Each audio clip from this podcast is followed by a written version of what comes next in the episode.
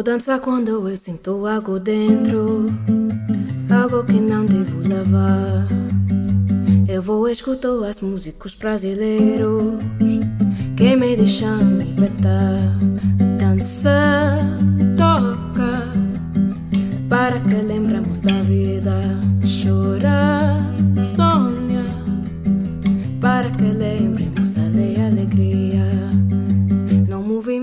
Bos días, boas tardes ou boas noites dende o recuncho de Arquitecturas en Fronteiras no segundo andar da Escola de Arquitectura de A Coruña. Estás a escoitar o episodio 32 de Habitando, un podcast, un falangullo, do Grupo de Educación de Arquitecturas en Fronteiras Galicia. Eu son Juan Ortiz. Eu son Marta Casal. Neste episodio número 32 será o último de, deste ano xa, deste 2019, imos falarvos dun encontro que tivo lugar en Santiago de Compostela a inicios do mes de novembro, o día 1 e o día 2 de novembro. Trátase do encontro Playgrounds, que constitúe o quinto encontro internacional de educación en arquitectura para a infancia e a xuventude. Pero antes de meternos aí e de escoitar diferentes voces de persoas que participaron neste encontro, imos a, a Leoroxe, día no que estamos grabando este, este episodio, o manifesto elaborado pola Coordinadora Estatal de ONGDES co motivo do Día Internacional contra a Violencia de Xénero. Para que lembremos, para que lembremos, ale, ale, ale, ale, para que lembremos, ale, alegría.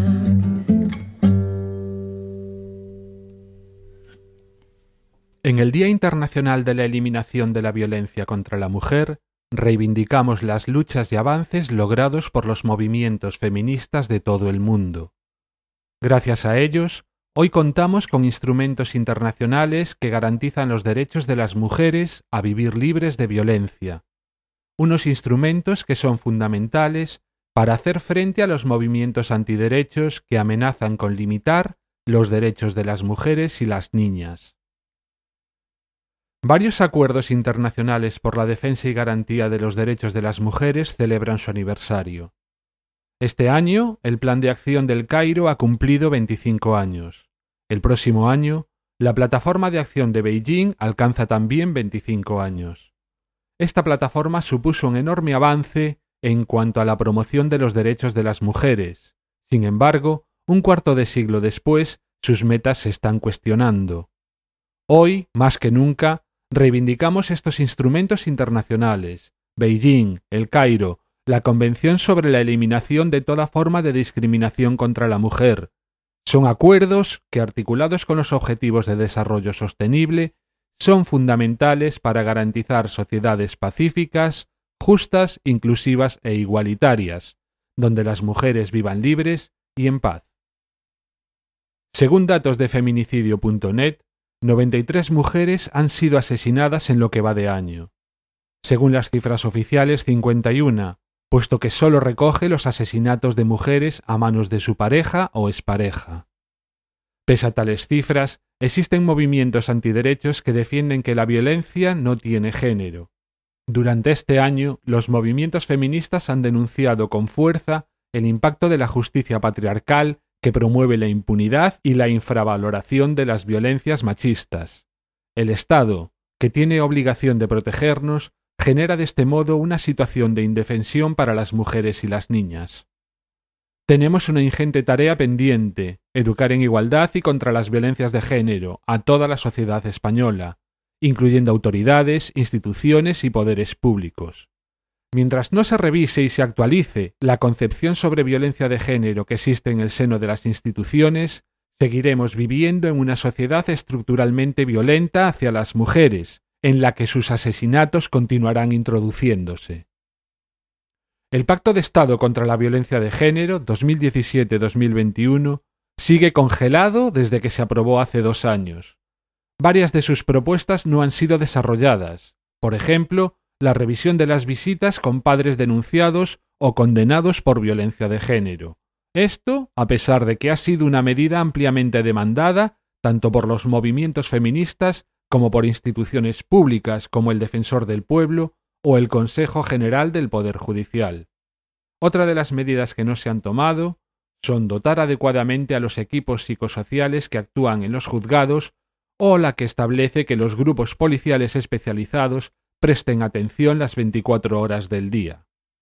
España suspende en el cumplimiento del Convenio de Estambul. Primero, porque no ha avanzado en ampliar el concepto de violencia de género más allá del ámbito de la pareja o expareja. Y segundo, porque no ha puesto en marcha una educación en igualdad en colegios e institutos. Vivimos un contexto marcado por el auge de los fundamentalismos, posiciones políticas reaccionarias, misóginas, machistas y violentas. Se niegan los derechos y las libertades de la población migrante, de las mujeres. Se ataca la diversidad y la riqueza de nuestras sociedades. Hay un claro riesgo de retrocesos en la conquista de derechos y libertades. Mientras tanto, avanzan los recortes de políticas públicas de protección social, educación, sanidad o vivienda. Las manifestaciones de estos movimientos antiderechos conllevan violencia. Los medios de comunicación mayoritarios reproducen estos mensajes, y el eco de estos discursos se verá ahora ampliado con la presencia de una cincuentena de diputados de extrema derecha en el Parlamento. Expresamos nuestro firme rechazo a este tipo de posiciones, llamamos a los medios de comunicación a que ejerzan el periodismo desde la responsabilidad y desde su condición de servicio público es urgente que se fomente un periodismo de paz en el que prime la defensa de los derechos humanos y las libertades. Alertamos, los derechos de las mujeres y las niñas, la mitad de la población mundial, no pueden cuestionarse. Su libertad para decidir sobre su futuro, sus opciones vitales, profesionales y académicas, y ante todo su propio cuerpo, no pueden admitir ni el más mínimo cuestionamiento. En el caso de España, estos derechos deben ser garantizados de acuerdo al marco jurídico vigente. Debe garantizarse el derecho a una vida libre de violencias. Por todo ello, llamamos a participar en las movilizaciones y actos convocados el día 25 de noviembre, Día Internacional de Lucha contra las Violencias hacia las Mujeres. Hoy, con más fuerza que nunca, basta ya. Y nuestro castigo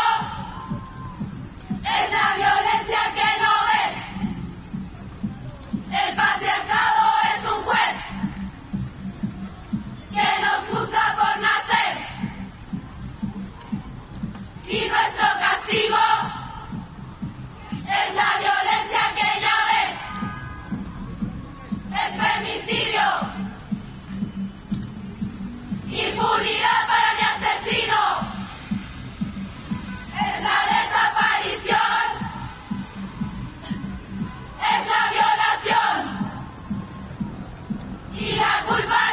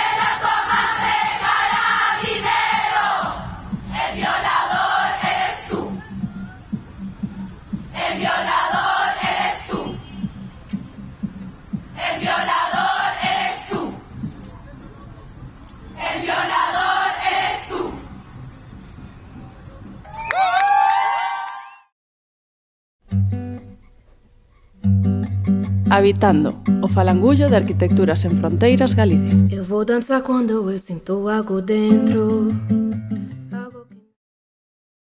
Como vos decíamos antes, este episodio imos dedicar ao encontro Playgrounds que tuvo lugar a primeiros de novembro en Santiago de Compostela, nos edificios da Cidade da Cultura.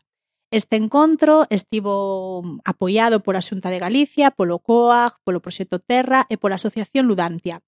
Para ubicarvos un pouquiño, Decirvos que estas xornadas se dividiron en dous días cunha estructura que combinou charlas, houbo oito charlas concretamente de diferentes especialistas relacionadas coa infancia, a arquitectura e a educación, e con 20 obradoiros simultáneos desenvolvidos por diferentes axentes da Asociación Ludantia. Espacios tamén informais de intercambio onde máis dunha centena de persoas moitas delas docentes do ámbito da educación infantil, primaria, secundaria, e tamén xente vinculada á arquitectura, deseño, urbanismo, compartimos esa fin de semana na Cidade da Cultura. Dende Arquitecturas en Fronteiras tivemos a oportunidade de colaborar tanto a través da xestión que estamos a facer do proxecto Terra como a xente da Asociación Ludancia. Foi un placer compartir este espacio de aprendizaxe e un privilexio con tantos actores de todo o territorio do Estado. Sobre a historia de Playgrounds nos vai a falar na primeira entrevista Miguel Díaz. Estamos aquí con Miguel Díaz, uno de los organizadores por parte de la Asociación Ludantia, en el quinto encuentro de Playgrounds. La idea es en un primer momento que nos cuentes un poco cómo ha sido la organización uh -huh. de este evento y por qué al final estamos aquí en la Ciudad de la Cultura haciendo un evento de estas características y qué es lo que conlleva un evento de Playgrounds como este. bueno, lo primero, muchas gracias por, bueno, por poder hablar aquí un rato. Es quinto porque ha habido cuatro antes, uh -huh. o sea, eso empezando por ahí. Entonces, el primero fue en el año, si no me equivoco, que hablo de memoria, fue el 2014 en en el, el, Museo Reina Sofía de Madrid. Y ahí, de ahí cogimos el nombre, porque había una exposición que fue, el, digamos, la excusa o el desencadenante de la reunión. Había una exposición que se llama Playground Reinventando la Plaza. Entonces, bueno, pues a partir de esa exposición que iba sobre juegos en calles eh, después de la Segunda Guerra Mundial, Aldo Banay, to, todo esto, ¿no? Uh -huh. Y a partir de ahí pues hubo una convocatoria que lo hizo la Casa Tomás, un colectivo de Córdoba, de Carmen y, y Emilio, dijeron bueno, que hay unas inquietudes que empiezan a salir de colectivos de profes, de arquitectos sobre todo, que, que, están trabajando con la educación en arquitectura y bueno, pues, ¿qué pasa si nos reunimos? No? Y se convocó a una serie de gente que ya trabajaban de alguna manera, bueno, trabajaban en red y bueno, pues vamos a encontrarnos más. Y yo participé en eso un poco, ya un poco contando mi... Participé en ese porque en ese momento estaba en el Colegio de Arquitectos de Madrid en el grupo de infancia y nos invitaron y dije, ah, bueno, pues a ver qué es esto. Entonces, claro, de repente descubres un montón de cosas y me acuerdo que descubrimos Proyecto Terra y, claro, pues explica, me acuerdo que explicaba José Manuel cómo, cómo surgió todo aquello y la cantidad de tiempo que llevaban y los programas y los materiales y dices, vaya, es que yo quiero hacer esto, ¿no? O estoy haciendo esto y se me abren muchos caminos o, encuentro gente que ya ha hecho lo mismo y me ha contado, bueno, pues lo que es un encuentro, ¿no? Compartir y bueno, ahí quedó una inquietud muy, muy grande porque creíamos todo que, que, hacemos algo realmente interesante y valioso y bueno, con muchas salidas, ¿no? Porque esto es, cada vez que lo explicamos como que hay muchas maneras, ¿no? Y ahí vino el segundo, que fue ese mismo año en Barcelona, en el encuentro de arquitecturas colectivas, que lo llevó, lo llevó Joan Vitoria, bueno, el Globus, el Globus y. Sí. Y luego el tercero ya fue, digamos, otra vez en el Reina Sofía, un formato ya un poco más más, más, congreso casi, ¿no? Y ahí, de ahí surgió, bueno, ya invitados internacionales. El primero era más de encuentro entre nosotros, pero ya eran invitados de, de, otros países, ¿no? Entonces ese encuentro ya lo organizó Proyecto Terra, eh, Cuarto Creciente de Sevilla, Jorge Raedón, que no sé, estaba en Finlandia entonces, ahora sí. está en Colombia. Bueno, y ahí ya salió, ya salió una serie de mesas de trabajo, unas, mucho más ordenado, había comunicaciones, había un montón de cosas. Y de ahí surgió una mesa de trabajo era la Bienal, uh -huh. que fue el año pasado en Pontevedra, la primera Bienal Ludantia. Y bueno, ya entre medias surge la Asociación Ludantia. Bueno, ha habido más cosas, ha habido uh -huh. encuentros en Madrid, ha habido varios, en, en, el Media Lab y en la Autónoma, Universidad Autónoma. Y en el 2017 surge la Asociación Ludantia, que bueno, viene a dar un poco forma jurídica, porque organizar estas cosas, pues queremos que sea ya patrimonio del colectivo y bueno, pues ciertas legalidades, pues viene bien tenerlas recogidas ahí y surgió eso en septiembre del 17, un, pues empezamos como 20, ahora somos unos 40 y bueno, una de, de las tareas que asumimos fue seguir organizando encuentros. Entonces, como ya había sido el año pasado la primera bienal, pues digamos que ya era suficiente encuentro y este año pues queríamos hacer una, un encuentro, ¿no? pues un encuentro y también darle mucho peso a los talleres, a la actividad, porque es algo que hacemos todos seamos profesores, seamos arquitectos, seamos las dos cosas, seamos profes, o sea, es el punto común y donde todos hemos salido de experimentar, de jugar con el espacio, con los juguetes, con un montón, con todo, ¿no? Entonces hemos vuelto a programar un encuentro internacional con invitados internacionales aquí en, en Compostela y luego pues aquí estamos todavía en los talleres, ¿no? Y nos acogió la, la ciudad de cultura aquí en Santiago, con el nombre de Argallar, ¿vale? Eh, entonces empezó el 13 de septiembre, acaba el 10 de noviembre y bueno, está teniendo mucho éxito porque estamos creo que en 10.000 visitantes. No, más creo, más de 20.000 ya. Más de ve- bueno, Una más todavía. barbaridad. O sea, es una barbaridad. Entonces, para nosotros es como estupendo que, que tenga esa, ese atractivo porque yo creo que funciona boca a boca. Eso es lo mejor que puede pasar en cualquier cosa, ¿no? Desde que venga uno, oye, vete a verlo. Y yo creo que es que hay gente que repite y todo porque pues han probado una cosa y luego han visto otra y quieren volver a hacerla. Entonces, por nuestra parte, encantado. Y ya que estaba aquí, pues eh, con un convenio con la, con la ciudad, pues pu- pudimos organizar aquí el quinto encuentro que, que ha sido aquí en la ciudad, que hemos aprovechado la Expo Argallar que estaba aquí con nosotros, entonces pues hemos tenido un programa así como muy esquemático de mañanas charlas, algunas conferencias, otras sobre todo debates, o sea, confrontar, bueno, hacer conversar en definitiva a, do- a dos profesionales de pues, de ámbito local, regional, nacional, europeo, pues para contrastar un poco bueno, pues seguir siendo eso primero que me pasó a mí, que le pasó a mucha gente, que sea como un punto para llamar la atención. Y yo creo que en parte lo hemos conseguido porque de los inscritos que hemos tenido, inscritos y inscritas, un 80% profesores o estudiantes de... o- Entonces es un objetivo que nos habíamos marcado hace, hace tiempo de... Bueno, el colectivo es muy arquitecto, muy arquitectas, y, pero vaya, nuestro objetivo es trabajar con la educación. Entonces, contar con los profesionales de la educación y con, bueno, y con, la infancia, por supuesto, pero con los profesores creemos que es el fundamental en todo esto. Entonces, por una parte muy contentos porque muchos profes han visto cosas que les encajan muchísimo en sus didácticas, en sus programas, en todo. Y también arquitectos pues que se acercan a este mundo, que, le- cuesta un poquito más, es más difícil de entrar. Y la verdad que muy contentos porque se ha organizado muy rápido, muy, muy, muy intenso también, pero bueno, yo creo que ha salido, está saliendo bastante bien. Y bueno, la verdad que no se puede ver en la radio, ¿no? O en No. podcast, pero ver toda la planta menos uno de, de- de aquí del Museo Centro Gallás llena de cosas, tranquilamente, pero también con mucha reflexión y con, sobre todo variedad, no sé, diversidad. Es que hemos tocado de todo. O sea, hay gente que fabrica juguetes, otros mm, hacen ciudades inflables, otros están con el aula, otros es que es- yo creo que es un- una, o sea, como oferta de talleres, es- es- muchos nos decían, es que mm, me dan ganas de ir media hora a cada taller. Pero claro, Sí. por enterarme de todo, está grabado, o sea que habrá unos resúmenes mm, cortitos de cada taller y, de- y las, las- las conferencias, debates y demás está, está en streaming, que lo ha hecho la, la Escuela de Imase Son de, de Coruña sí. Y está, está disponible. Y en la página de la asociación, asociacionludantia.org, pues hay información ahí de los Los encuentros. de lo, del programa, de los talleres, también de una especie de sesión así rápida de presentación de últimos proyectos que hemos tenido. Y bueno, pues esperamos seguir organizando más cosas, que Sí. todo el mundo nos lo ha preguntado, pero bueno, es, es, es complejo por, por la cantidad de materiales, por la cantidad de temas que, que se requieren.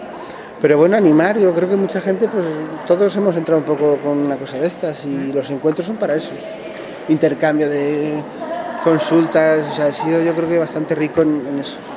Pues muchas gracias Miguel, también desde la web del Proyecto Terra y ahora cuando hagamos el podcast dejaremos constancia de toda la información y vídeos que hemos recogido durante los encuentros de los quintos encuentros Playgrounds y esperemos que la gente los pueda contemplar a pesar de no haber podido venir a sobre todo a disfrutar de los talleres Sí. que es lo más complicado de No, los, y, y de los ojo, vídeos. que, que Playgrounds, he dicho que cogimos el nombre del, Sí. de la exposición, pero Playgrounds fue, es, fue el grupo, un grupo de Sí. Facebook que ahí durante un tiempo fue el lugar donde se, se formó el equipo. Ahora, bueno, pues los grupos ya sabemos que tienen vida y algunos fallecen y todo, pero bueno, y sigue estando ahí y hay mil y pico personas, o sea, que me refiero que, que, que vivimos mucho en las redes y que invitar a, a seguirnos por ahí porque es nuestro medio natural, porque somos, o sea, es asociación eh, estatal, sí, de ámbito gente estatal. todos lados Y bueno, pues encantados de que si a alguien le apetece formar parte, se informe. En la página hay apartados varios, o puedes ver un catálogo de agentes con todas sus capacidades y actividades, otro bueno, de proyectos. Estamos intentando sacar uno de recursos. O sea que invitar a explorar el mundo internet porque ahí estamos muy, muy presentes. Vale, pues muchas gracias Miguel y Nada. espero que la gente también disfrute de todo lo que hemos visto durante esta semana. Despois de escoitar a Miguel, presentamos a Clara Mejías, que pertence ao colectivo Pedagogías Invisibles, e a Leticia Flores, que é docente da Escola Escuni de Formación do Profesorado en Madrid. As dúas fixeron unha charla a primeira mañán, o día 1, que tiña como título Ni pupitre ni libro de texto, propuestas para unha formación docente, crítica e creativa. E dende logo foron boa mostra delo, porque tanto a, a proposta da súa charla como o contido facía honor ao título da mesma. Foi un, unha proposta divertida, un desafío a movernos, a facer dunha, dun xeito moi sinxelo que máis de 100 persoas que estábamos ali tiveremos participación na, na charla que elas iban a ofrecer. Nos van a contar un pouquiño dos seus colectivos e, de, e da súa visión de cara a traballar sobre a educación e a arquitectura. Vamos a hablar con Clara y con Leticia Ubicaros cada una. Os, presentáis porque tenéis una historia común y vínculos que, que están ahí, pero ahora estáis trabajando un poquito más por separado, ¿no? Ahora, Clara. Bueno, Leticia y yo, las dos, estudiamos Bellas Artes y luego hicimos el doctorado en Educación Artística. Eh, estudiamos juntas hasta final del doctorado y luego empezamos a trabajar las dos juntas en Escuni, que es una facultad de educación, una escuela de educación, o sea, donde se forman los futuros maestros y, y las maestras de educación infantil y primaria. Entonces estuvimos eh, seis años trabajando juntas allí. Luego nuestros caminos se han separado. Leticia sigue trabajando allí a jornada completa y yo me dedico la mitad de mi tiempo al colectivo Pedagogías Invisibles y la otra mitad a docencia en la Universidad de Alcalá, entre otros, otras instituciones. Esta mañana pudimos participar de vuestra charla en la que trabajasteis sobre cuatro conceptos, ¿no? Nos llevasteis a reflexionar sobre cómo la funcionalidad y el control en los espacios educativos están muchas veces por encima del bienestar, ¿no? Eh, de, de todas esas capacidades que podemos desarrollar, de la creatividad, de las relaciones, de... Hablabais de vuestra intencionalidad a la hora de, transmitir a través del arte, su capacidad como mm, herramienta de transformación y trabajáis con lo que van a ser futuros docentes. Os encontráis con personas que han pasado por ese sistema educativo, que ya han sido formadas y deformadas. Entonces, ¿cómo reciben vuestra propuesta, ¿no? que es un poquito disruptiva, digamos? ¿Qué brechas encontráis para entrar, para poder abrir ahí puertas con estos futuros docentes? ¿Dónde veis que siguen estando las resistencias? ¿Qué cuesta más? ¿Dónde, dónde están los miedos? Contadnos un poquito de cómo veis estas futuras generaciones de docentes y qué cosillas habéis visto ahí como oportunidades, qué os cuesta. Partimos eh, que ciertamente vienen de, de un sistema ¿no? bastante rígido y cuando llegan a la asignatura ellas o sea, lo que esperan sobre todo es hacer manualidades, pues como, como hemos hablado esta mañana, ¿no? Manualidades cookie, eh, donde pintar y algunos te vienen diciendo, eh, yo no sé pintar, esto va a ser un tormento para, para mí y bueno, a ver qué podemos hacer. Entonces, eh, cuando empezamos a trabajar con ellas, o sea, normalmente lo que suelen decir es, es que esta clase cada día, o sea, están como ansiosos a que llegue el siguiente día porque nunca se esperan lo que va a ocurrir. Uh -huh. Les rompemos por, por, completo todos los, los esquemas y, y, bueno, encontramos también muchas dificultades porque vienen de un sistema muy rígido y con mucha facilidad buscan esa forma guiada, esa cómo hay que hacerlo, dime cómo son las normas y, y yo sigo todo el proceso. La evaluación es también como vas a poner, ¿no? como una serie de de miedos que tienen que ver con, primero con una obsesión por la calificación, uh -huh. que yo creo que es uno de los problemas con los que nos enfrentamos.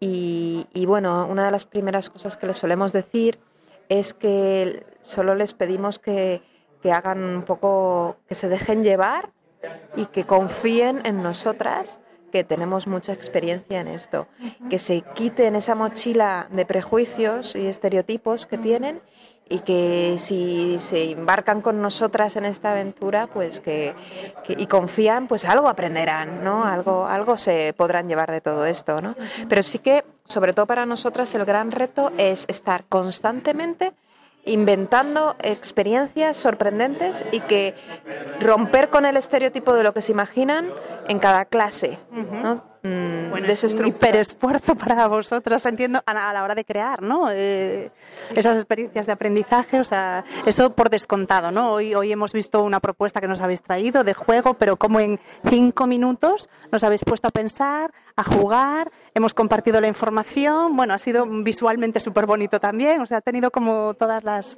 las partes, ¿no? Entonces me imagino que vuestras clases tendrán un... Normalmente el miedo también que siempre tienen, ¿no? Cuando ya se meten y empiezan a ver que, bueno, esto empieza, empieza a gustarme, ¿no? Empiezo a descolocarme, ¿no? Pero viene la siguiente, el siguiente miedo, pero esto no se puede llevar a la práctica. Esto que hacemos aquí no se puede, no se puede llevar a la práctica, esto es algo entre vosotras y nada más.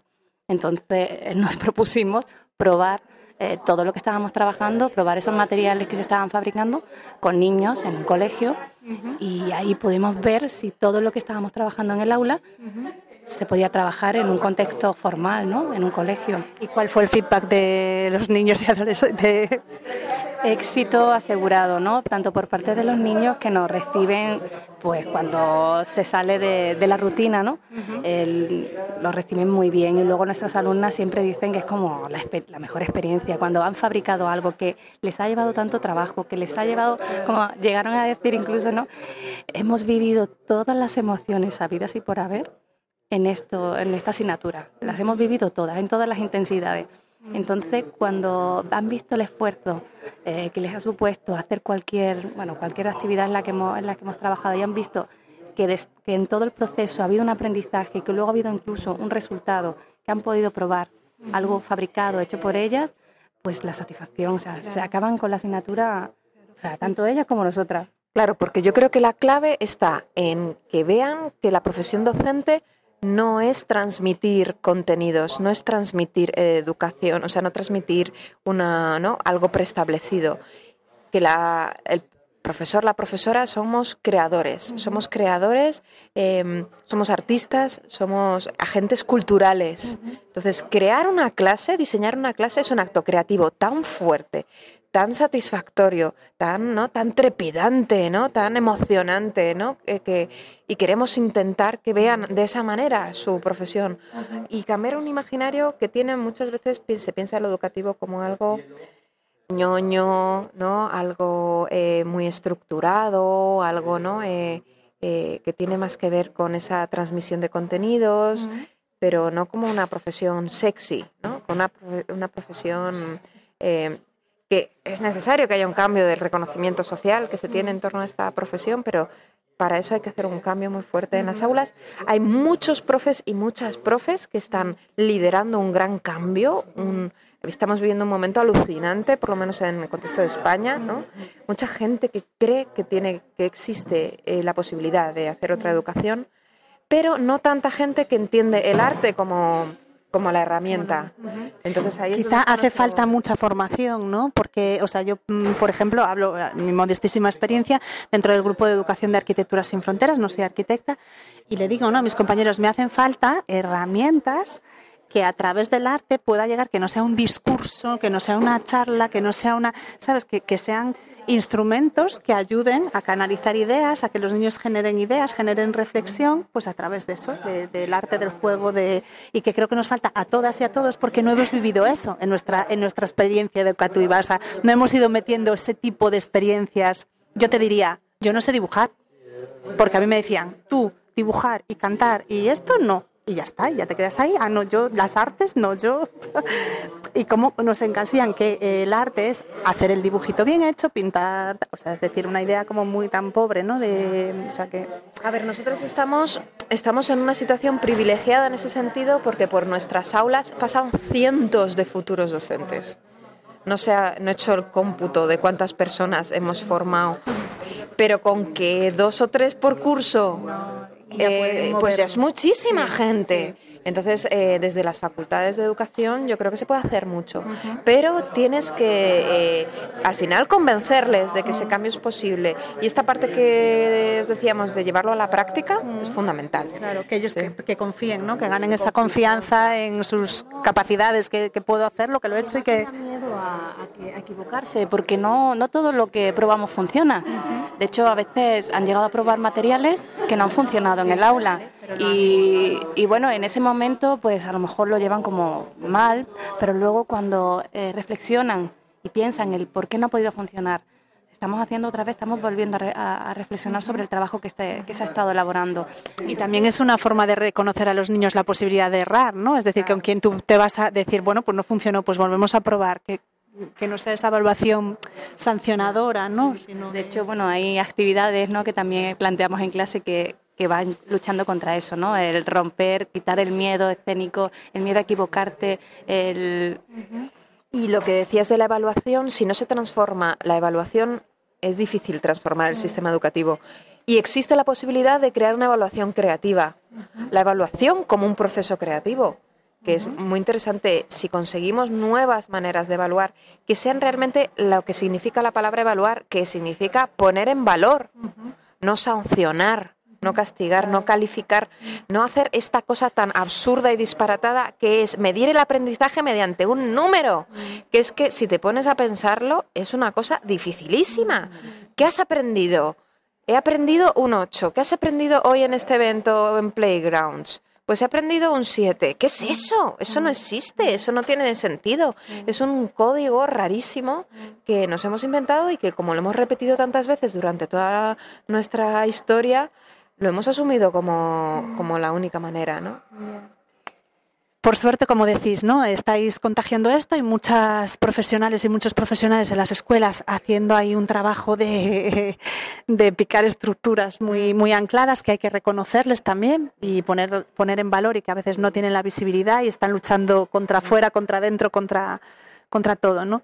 Cuando eh, encontramos a estas personas, que son muchas también, incluso nosotras tenemos eh, antiguas alumnas que se ponen en contacto con nosotras porque para contarnos un poco eh, cómo están trabajando, cómo se han encontrado con la realidad, cómo se acuerdan de mucho de la asignatura y, y bueno, es súper bonito. Estas personas muchas veces también las invitamos a clase para que nos cuenten, para que sirvan como de inspiración y decir, bueno, que sí que funciona. Fuera ya del ámbito de lo que será la educación formal, también eh, las dos habéis tenido vínculo con Pedagogías Invisibles, que es un colectivo, una asociación que eh, trabaja proyectos artísticos, educativos. Luego colgaremos los links de todos los lugares a los que nos estamos refiriendo y colectivos. ¿Qué tipo de personas están llegando a vuestras propuestas? ¿Qué percibís desde ahí, desde, desde ese espacio en el que estáis? ¿Qué necesidades os está planteando la gente? ¿Cómo reciben las propuestas que hacéis? Claro. Cuando ya nos vamos fuera de la formación de, inicial de los futuros maestros y eh, ofrecemos formación a la que acuden profes en activo, nos encontramos con un perfil muy distinto. Ya nos encontramos con profes revolucionarias que quieren, que ya están transformando la educación y vienen a nuestras formaciones porque necesitan mm, herramientas y apoyo y crear, crear red, ¿no? Sentirse eh, seguras en un ambiente seguro en el que poder, pues eso, sentirse animadas, ¿no? Impulsadas a hacer. Y sobre todo con herramientas nuevas, que son estas que ofrecemos desde el arte contemporáneo. Es curioso porque tenemos un perfil súper variado. ¿Es sobre todo profes o también hay otros perfiles de...? Incluso otros perfiles. Vienen profes de infantil, de primaria, que no son profes de arte, que son profes de matemáticas, de lo que sea. Profes de secundaria, vienen muchas de otras asignaturas, pero también vienen profes de universidad que les interesa eh, que no tienen nada que ver con arte, pero que les interesa utilizar herramientas artísticas de aprendizaje. Y luego también mucha gente de educación social, trabajo comunitario. Sí que tenemos un perfil súper amplio de gente que está haciendo muchas cosas, entonces es un perfil muy agradecido y, y con, el que, y con el que de repente haces magia, porque te encuentras con un grupo de profes súper motivadas que vienen de todas partes de España y desde fuera de España, que nos encontramos con gente que viene de Alemania, de Chile, que nosotras mismas de Egipto, y decimos, pero ¿y esta gente de dónde sale? Que se ha venido hasta aquí para hacer algo que además muchas veces eh, eh, pagan una matrícula para hacer un gran esfuerzo económico y con esta gente se hacen virguerías. De repente están tan motivadas que llegan a sacar unos resultados de, las, de los talleres y las propuestas que ofrecemos, como la escuela de Art Thinking o el Summer Lab que hacemos, eh, que es que ellas son realmente la parte fundamental para que esto funcione. Profes así. Eso es un gustazo. Es mucho más, eh, todo fluye mucho mejor que en el aula de, de magisterio. En el aula de magisterio tienes que convencer, tienes que vender la moto y es distinto. Claro, bueno, también la importancia de ese trabajo, ¿no? De decir, vale, aquí tenemos que plantar la semilla, o sea, como es de la necesidad, ¿no? Más duro, pero, Claro. pero obvio que, que es necesario y que menos mal que estáis como para con esa conciencia, ¿no? De, de- y con esa voluntad de hacerlo así. Claro, lo que pasa es que, eh, como en este evento en el que estamos ahora, ¿no? Con, realmente los profes que más lo necesitan son los que no vienen. Esos son los que, los, que, los que tienen que ponerse las pilas y cambiar. Claro, quien está aquí un puente lo va a aprovechar muchísimo, pero, pero la sensibilidad está en la necesidad y la conciencia. Yo creo que al final sí esto se implanta, que se empiece aunque sea en un rinconcito y que vaya creciendo. Y cuando la gente se convenza ¿no? de lo que está ocurriendo, yo creo que, que bueno, un poco, un poco sí que... Y es que engancha. Cambiar el aula engancha. Y inventarte cosas diferentes, explosivas, ¿no? que para, y, y engancha, porque es que ves los resultados y, y te, y se convierte en que no, de repente ya llega un momento que no sabes dar clase de otra manera. Sí, me imagino que es un cambio muy grande. No soy docente, soy hago actividades educativas muy puntuales y no es lo mismo que estar ahí en el día a día. Pero bueno, entiendo que, que hay muchas un- una estructura ahí enorme que es un elefante y que, que hay que trabajar a muchos niveles, ¿no? Y que a veces hay gente que, mm, bueno, mm, sabe torear esa estructura y hacerle ahí buscar las brechas y, y hackearla un poco y otra gente pues que no, no ve la, la salida, ¿no? Pero bueno, es lo, que decís, hay personas aquí que lo están haciendo, lo van a llevar a su centro y el camino de menos resistencia, ¿no? A lo mejor no vamos a empezar por quien ni lo ve, sino por quien está ahí con ganas. Claro, y yo creo que es que es imparable. O sea, soy optimista. ¿no? Creo que, que estamos en una revolución educativa y muchas de las metodologías que se están utilizando ahora mismo, que se llaman innovadoras, tienen 100 años. La revolución educativa nació hace 100 años. Giner de los Ríos, un montón de referentes que son Montessori, yo que sé, son, son muy antiguos, son clásicos. Pero es que ahora es cuando se están expandiendo. Entonces no, no se llegaron a implantar, ¿no? En nuestro a generalizar y ni a, ni a conocer.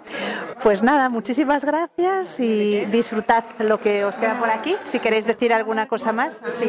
el, casi el primer día de clase, ¿no? Una de las preguntas que les hacemos a nuestros alumnos es que, que citen, a ver si a aquellos profesores que les que les han marcado de forma especial, para bien, ¿no?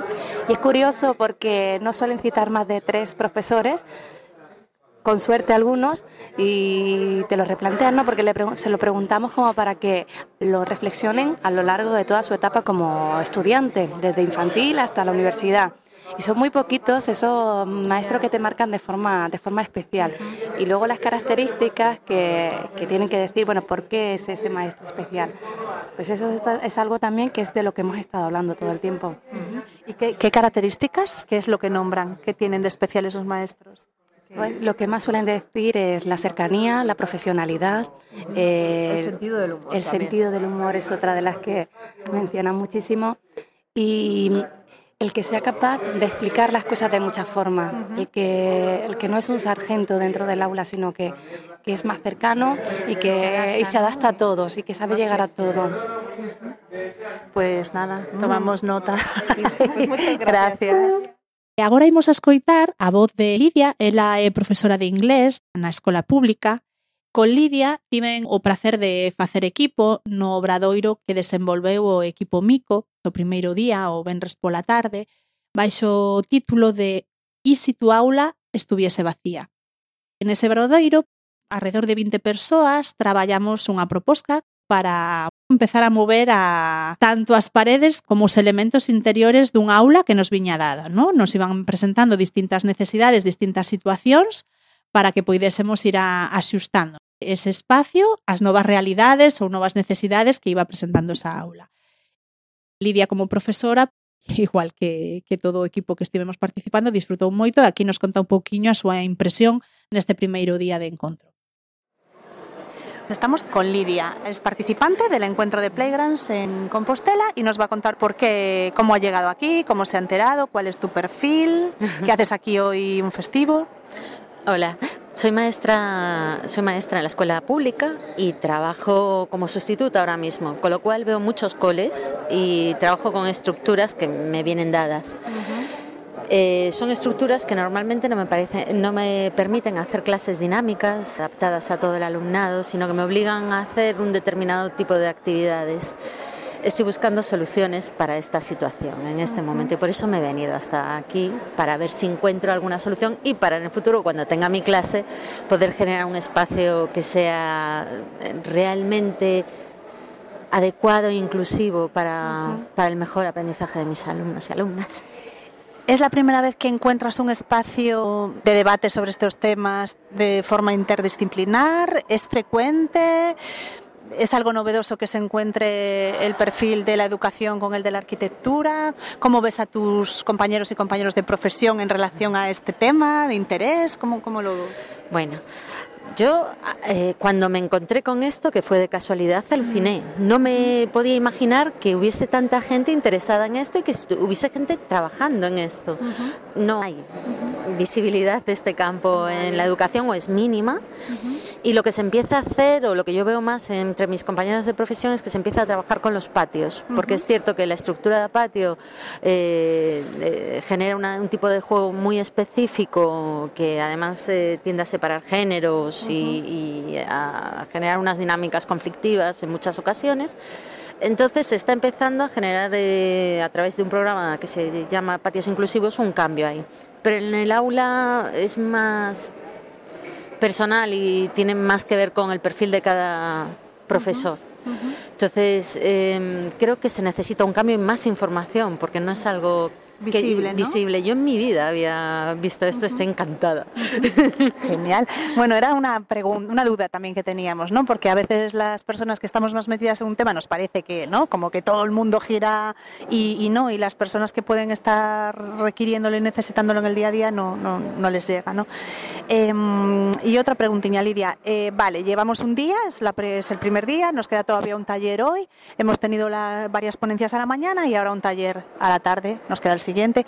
Hasta ahora sé que no va ni la mitad, pero ¿alguna idea, alguna impresión, alguna imagen, algo, algo alguna pregunta, que, algo que quieras algo que te haya quedado de hoy?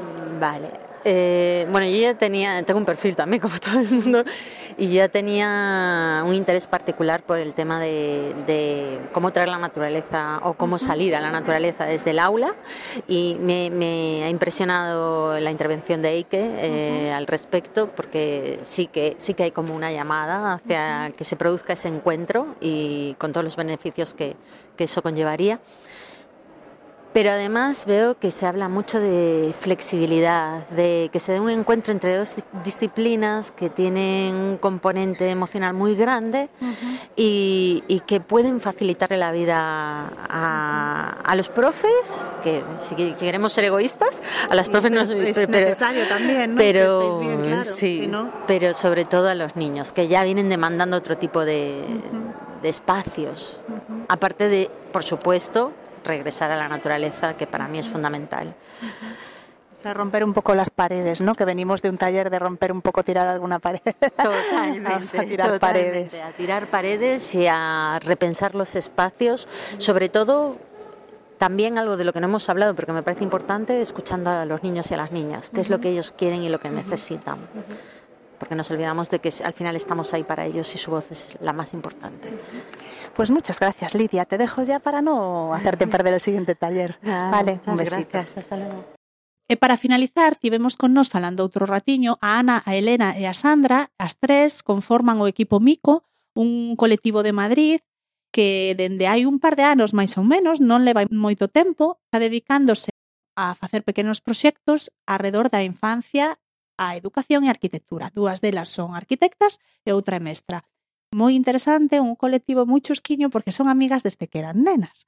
Desde logo, eso se transmite no tipo de traballo que fan, na cohesión que teñen, na compenetración, era algo moi patente no espacio que nos facilitaron a través do seu obradoiro. Foi un deses 20 obradoiros de Ludancia, moitísimos axentes desta asociación tan rica, tan diversa, que de xeito absolutamente mm, creativo, tolo, adicaron a dous días a darlle vida a este espacio na Cidade da Cultura, non ofrecéndonos moitísimas propostas. Haremos tamén todo o programa de Ludantia, aínda que sexa un pouco a toro pasado, ver todas as posibilidades que ten esta combinación de educación e de arquitectura. Estamos ahora con Ana, Elena y Sandra, que son el, el, el, equipo Micos, un trío aquí que se dedica a esto de la arquitectura y la educación, para las que los espacios y el juego son una herramienta fundamental en el aprendizaje. Acaban de hacer un taller en, en este primer día de Playgrounds en el que he tenido la suerte de participar, os contaré después y mmm, nos van a contar cuál es el motivo de por qué se juntaron, qué necesidades detectaron, ¿no? qué, motivaci qué motivaciones un poquito teníais vosotras personales y qué necesidades veíais fuera para juntaros par de arquitectas y una maestra a trabajar en, en este tema. ¿Por dónde empieza? ¿Quién empieza, Sandra? Bueno, eh, pues eh, nosotras somos amigas del cole de toda la vida y bueno, Elena y yo somos arquitectas y Ana es maestra de educación infantil y primaria y cada una como desde nuestras vivencias en la universidad fuimos viendo de la necesidad de la transformación de los espacios educativos. Elena, o sea, Ana desde como maestra en sus prácticas, en, to, en todo lo que hacía, y nosotras desde el punto de vista de la arquitectura. Y entonces, pues hace un par de años se nos, plante, vamos, nos planteamos la, la idea de hacer un proyecto juntas que presentamos a la Bienal de Ludantia de hace un par de años y la verdad que nos encantó trabajar juntas. No, y vimos ahí realmente la necesidad de lo que estábamos empezando a palpar, ¿no? de, que, de que era necesario, de, bueno, aparte de, de, de, los espacios educativos, de pensar que es un espacio, o sea, que el espacio ayuda uh -huh. en la educación, eh, también trabajamos eh, con mucho con el espacio público y la idea del juego, del juego libre con los niños ¿no? y la ciudad. Entonces, con todo esto, pues empezamos a, a trabajar juntas.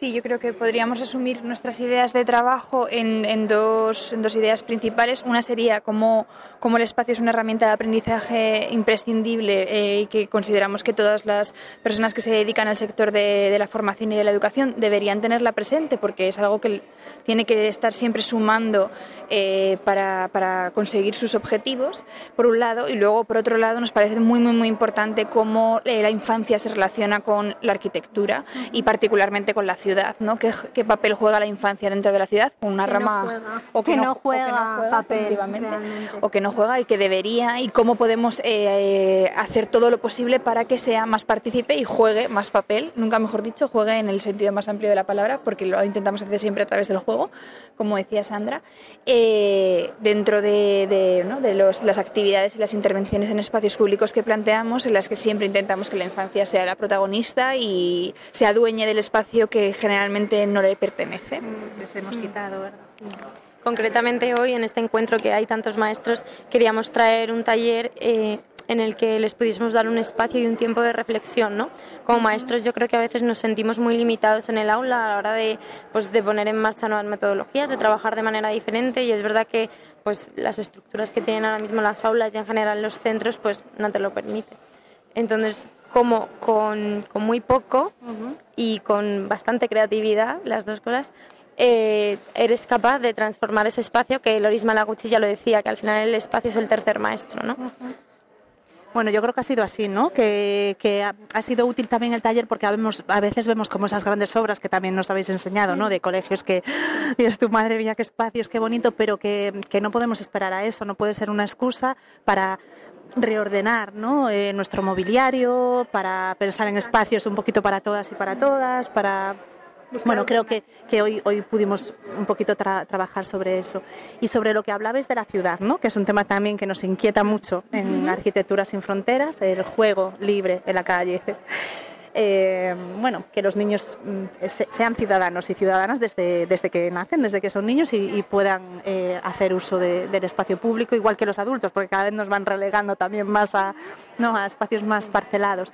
Eh, ¿En qué contextos habéis empezado a investigar o a trabajar o a hacer propuestas? Contadnos alguna y, y, cómo, quién lo está demandando, cómo está siendo recibido, ¿no? Uh -huh. Porque esta mañana hablábamos también de la sensación de impotencia que tenemos de que el espacio, la ciudad nos viene dada y no tenemos nada que hacer más que resignarnos, adaptarnos y intentar Mira. sufrir lo menos posible sí. uh -huh. y como que hemos perdido esa capacidad de acción, ¿no? Alguien nos ha dicho de, no, mira, esto viene hecho así y... Y no se puede, no es tenéis, nuestro y no sí, cambiarlo. ¿Qué experiencias estáis empezando a tener o, o aunque sea, o sea, sí, pequeñas chispillas que digas, bueno, se pueden hacer. Vale, pues yo creo que eh, nuestro primer proyecto que, el que presentamos a Ludantia es el mejor ejemplo global que podríamos explicar para ello y, lo que intentábamos en ese proyecto que se llamaba La ciudad en mis manos es dotar a, los participantes, que eran niños de entre 6 y 9 años, de la, posibilidad de crear una ciudad desde cero. ¿Por qué? Porque esto creemos que es el problema principal que tenemos en las ciudades actuales y es que nadie nos ha inculcado esa, esa pertenencia a la ciudad. La vivimos como dada porque nadie, nos, no, nadie hace énfasis, y menos durante la infancia, eh, de que la ciudad es nuestra y de que somos parte de ella. Todo el mundo cuida mucho su casa, pero no cuida tanto su rellano. Entonces, eh, qué importante sería si desde la infancia inculcamos que todos los espacios públicos son también espacios nuestros. Eso es un poco lo que intentamos en ese taller, hacer sentir a los niños eh, partícipes de, sus espacios privados y elaboramos diferentes edificios que conforman una ciudad, pero sobre todo trabajamos cómo esos, esos edificios colocados en común formaban el espacio público y el conjunto de ambos, público y privado, formaba la ciudad. Y qué importante era entender eso como un conjunto y como un conjunto que nos pertenecía a todos. ¿no?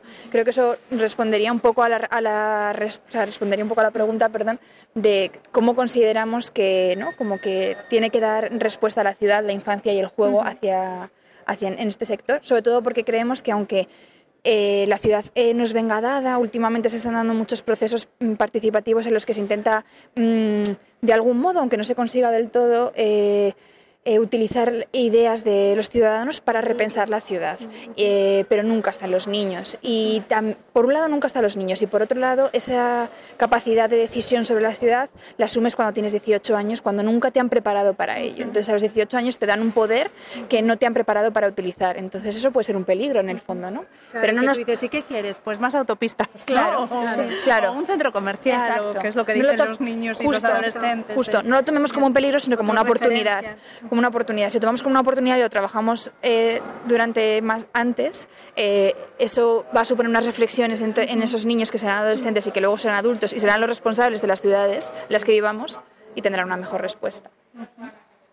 Y luego otro, aparte de este taller, en otro tipo de talleres que hemos experimentado más en espacio público, porque este fue en concreto en un patio escolar, eh, que hemos intentado dotar, o sea, siempre lo que intentamos nosotras es dar material, crear una situación o un, un entorno de juego en el espacio público uh -huh. para propiciar ese juego, ¿no? Y que los niños sean libres de, de, jugar como ellos quieran, ¿no? que nos parece muy importante el crear situaciones de juego en el espacio público, que las ciudades actualmente no, no se dan, ¿no? que los niños ahora ya no salen a jugar a la calle prácticamente, uh -huh. sino que son espacios muy fríos, muy poco, poco adaptados para ellos. Entonces también muchos talleres que hemos hecho, desde pintar un muro para que ese espacio eh, sea, se apropien ellos mismos hasta crear una instalación en una plaza para que ellos jueguen. ¿no? Entonces, ese tipo de intervenciones sí que hemos visto la necesidad de, que, de, de crear esos entornos y sí, de apropiación y, y de crear ese tiempo simplemente para jugar. Uh -huh. Digo simplemente porque parece que, que, ahora mismo con todo, todas las actividades que tienen los niños, que es extraescolares, que tal, no se da tiempo, no, no parece importante. importante. Y es que es tan importante crear ese tiempo y ese espacio para ellos. Claro, en libertad. Sí, sí. sí. A mí me parece que luego, eh, en general, los papás, y bueno, los papás y el vecindario lo agradece. Cuando hemos hecho algún taller en la plaza, la gente pasaba y decía, ah, pero ¿puedo jugar? ¿Puedo participar? Sí, claro, únete, uh -huh. estamos para eso, ¿no? Para que estemos aquí todos. Y es una manera de que, eh, en la que los niños ven su plaza, por donde pasan todos los, todos los días, de una manera totalmente diferente. Muchas veces es que no se conoce ni entre vecinos. Entonces, creo que también es una oportunidad de compartir. De actividades en, en Madrid? Creo que sí, en Madrid, en Madrid, en Madrid, sí. De momento sí. solo hemos he trabajado en, en zonas eh, públicas de Madrid. Eh, y a mí me asombra la manera tan positiva con que los padres acogen estas, estas iniciativas. La cohesión Sí. ¿no? que genera al final. Sí. Porque eh, a veces se habla, ¿no? De que, mm, o sea, pienso que es una necesidad que cada vez más familias también ven, ¿no? Porque hemos vivido, mi generación y otras, en la calle, o sea, puras callejeras, y de repente nuestros hijos están siendo privados de de todo, o sea, de la posibilidad de jugar sin que dependa de mí para que yo lo lleve y decida con quién lo llevo, a dónde y hacer qué, ¿no? Y todo lo que implica ese juego a monte, ¿no? Libre, em, conocer, explorar y que no están pudiendo, ¿no? Que están siendo vulnerados eh, derechos muy importantes, ¿no? Y posibilidades de desarrollo y de juego. Y que a veces se dice que las familias no quieren, que si el riesgo, hablábamos hoy también, ¿no? El miedo, ¿no? De las familias, de las instituciones escolares al, al riesgo. No sé si ahí os habéis encontrado con muros o, o al contrario ha sido favorable la receptividad. ¿Cómo podemos sortear esta barrera, esta- este miedo, este esta idea de riesgo que nos han metido aquí? ¿Cómo podemos bajar eso para que podamos empezar a recuperar esos espacios? Yo creo que lo primero que, que se me viene a la cabeza eh, con esta reflexión es eh, nuestra idea también de descontextualizar muchas veces los materiales que utilizamos y para qué, ¿no? que se podría asemejar como un poco al riesgo. ¿no? Eh, cuando Sandra comentaba antes lo de pintar un mural en un espacio público, nosotros ese mural eh, los niños no lo pintaron con pinceles, lo pintaron con escobillas de baño, con, Desatascadores de con desatascadores de váter, eh, no me acuerdo. Estropajos. con estropajos, con unas bolsas que les fabricamos que, Con con, papel de unas- burbujas. con papel de burbujas para como unos guantes, es decir, descontextualizamos cosas que probablemente en su vida cotidiana nunca usen porque son peligrosas o no, s- no son- no están en su momento de uso eh, y de repente las usan para otras cosas porque pueden ser usadas para otras cosas, ¿no? Como eh, o cómo podemos dejar material libre en un espacio público, como también comentaba Sandra antes, y ese material, eh, nosotras podemos tener pensadas unas actividades, pero lo que vaya a ocurrir allí es, es libre y siempre nos acaban sorprendiendo, y hemos dejado palos y hemos dejado cosas que podrían Sí, ser peligrosas. de madera. O sea, al final, si, a mí, por ejemplo, mm, me sorprende mucho como con un mismo material, diferentes, o sea, en diferentes momentos, los niños en cada taller han hecho cosas diferentes. Una vez pusimos palos de madera y vigas de madera, unos se construyeron una cabaña con unos acetatos que habíamos traído para otra cosa, pues los usaron ahí para cubrir su cabaña. En otro momento hicieron como una gincana con un recorrido y no sé qué. O sea, que al final en los ahí, niños, ¿no? claro, los niños, sí, sí, totalmente. sale. Necesitan muchas veces eh, el que tú les dejes. O sea, que, de hecho, eh, alguna vez en nuestros talleres no hemos prohibido, ¿no? pero preferimos que los niños vengan que les dejen los papás solos, porque es como yo creo que al final ellos consiguen sentirse libres y no tan pautados. ¿no? De en hecho- el cole a lo mejor están demasiado pautados. Muchas veces se coartan con la presencia de los padres o con el simple imaginarse de que están cerca. Les dicen, no es que mi madre, o, o, por ejemplo, nos, nos pasó una situación muy divertida, yo siempre me acuerdo de un niño que se manchó y estaba muy agobiado porque su madre le iba a regañar porque se había manchado y habíamos, habíamos avisado que se iban a manchar porque era todo de pintura, les pusimos millones de bolsas de basura y el pobre se iba con una angustia. Lo había pasado genial, lo había disfrutado como un niño pequeño, nunca mejor dicho, porque había estado solo. Pero cuando había caído a la cuenta de que volvía a, a- a estar con sus padres, decía, oh, esto quizás si hubiese estado mi madre cerca no, no lo habría disfrutado de esa forma. ¿no? Sí, pobres, no tan pequeños tienen ya hasta la- ya no del riesgo, sino de todas esas limitaciones, ¿no? Esas barreritas mentales que, que les vamos metiendo ahí. Pues nada, chicas, a seguir facilitando que los niños se manchen, jueguen con vigas y también el trabajo que habéis planteado hoy, ¿no? Que los docentes tomen conciencia de que tienen un aliado ahí, que es el espacio, que supongo que lo están viviendo, ¿no? Porque es verdad que a veces, no, sobre todo docentes que quieren salirse un poco de las metodologías más clásicas y de repente dices, sí, ¿qué hago yo aquí en este, en este espacio con esta estructura, ¿no? Ahora me contaba una, una docente, otra compañera, que ella tenía esta inquietud y que no se imaginaba que hubiese tanta gente interesada en esto, ¿no? Que ha sido como la- el descubrimiento de decir, pero ¿cómo? No soy la única, ¿no? Que poco a poco nos vayamos sumando y vayamos compartiendo. Yo creo que es, es lo mejor de estos encuentros. Y yo creo que eso también para nosotras fue la clave. Nosotras cuando hicimos nuestro primer proyecto lo hicimos un poco porque nos apetecía y a probar y una, sí, con experiencia cero y con ilusión mil, ¿no? Y cuando llegamos al momento de ponerlo en común con más gente dijimos, es que estamos donde es que, es que cómo nos lo íbamos a perder, es que este es el momento y dijimos, es que este no puede ser el único proyecto, tiene que haber más, porque esta comunidad es tan importante y se está nutriendo ahora que, bueno, tiene que formar parte. Pues muchas gracias. a seguir.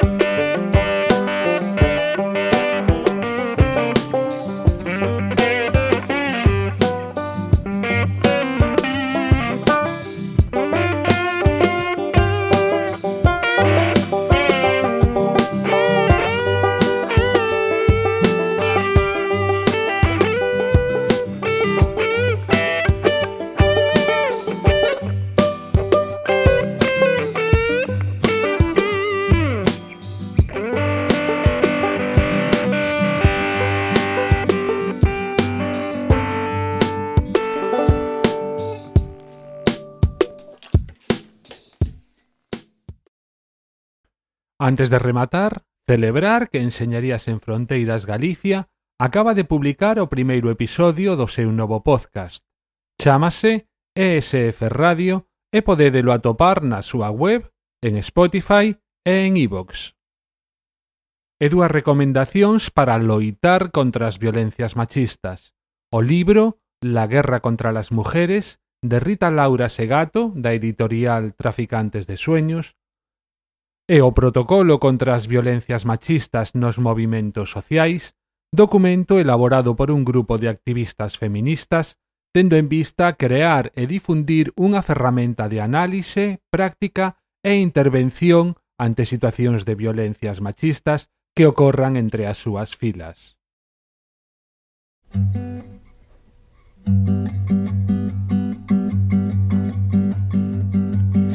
dança quando eu sinto algo dentro, algo que não devo lavar. Pois ata aquí este episodio 32. Podedes nos deixar un comentario sobre este ou calquer outro tema nas notas do episodio na nosa web galicia.asfes.org. En Twitter atoparedesnos como arroba asf-habitando ou en arroba asfgalicia. E tamén temos páxina en Facebook. Recordade que Habitando ademais de na nosa web está disponible en iVoox, Spotify e iTunes. Toda a música que sou neste episodio, a nosa sintonía, a canción A Vida de Maya Solovey e tamén a canción de Natural de The Black Penguins distribúense no momento desta grabación con licencia Creative Commons, ao igual que este falangullo e a maioría de contidos de Arquitecturas en Fronteiras. A canción protesta sobre as violencias machistas pertence a un vídeo grabado a pé de rúa o 25 de novembro fronte ao Palacio de Xustiza en Santiago de Chile e compartido, entre outros sitios, por Manuela Tironi en Twitter. Nada máis, moitísimas grazas a todos e todas por chegar ata aquí. Como voltaremos xa en 2020, que pasedes unhas felices festas e desexamos vos o mellor para o ano que ven. Esperámosvos no seguinte episodio. Adeus. Para que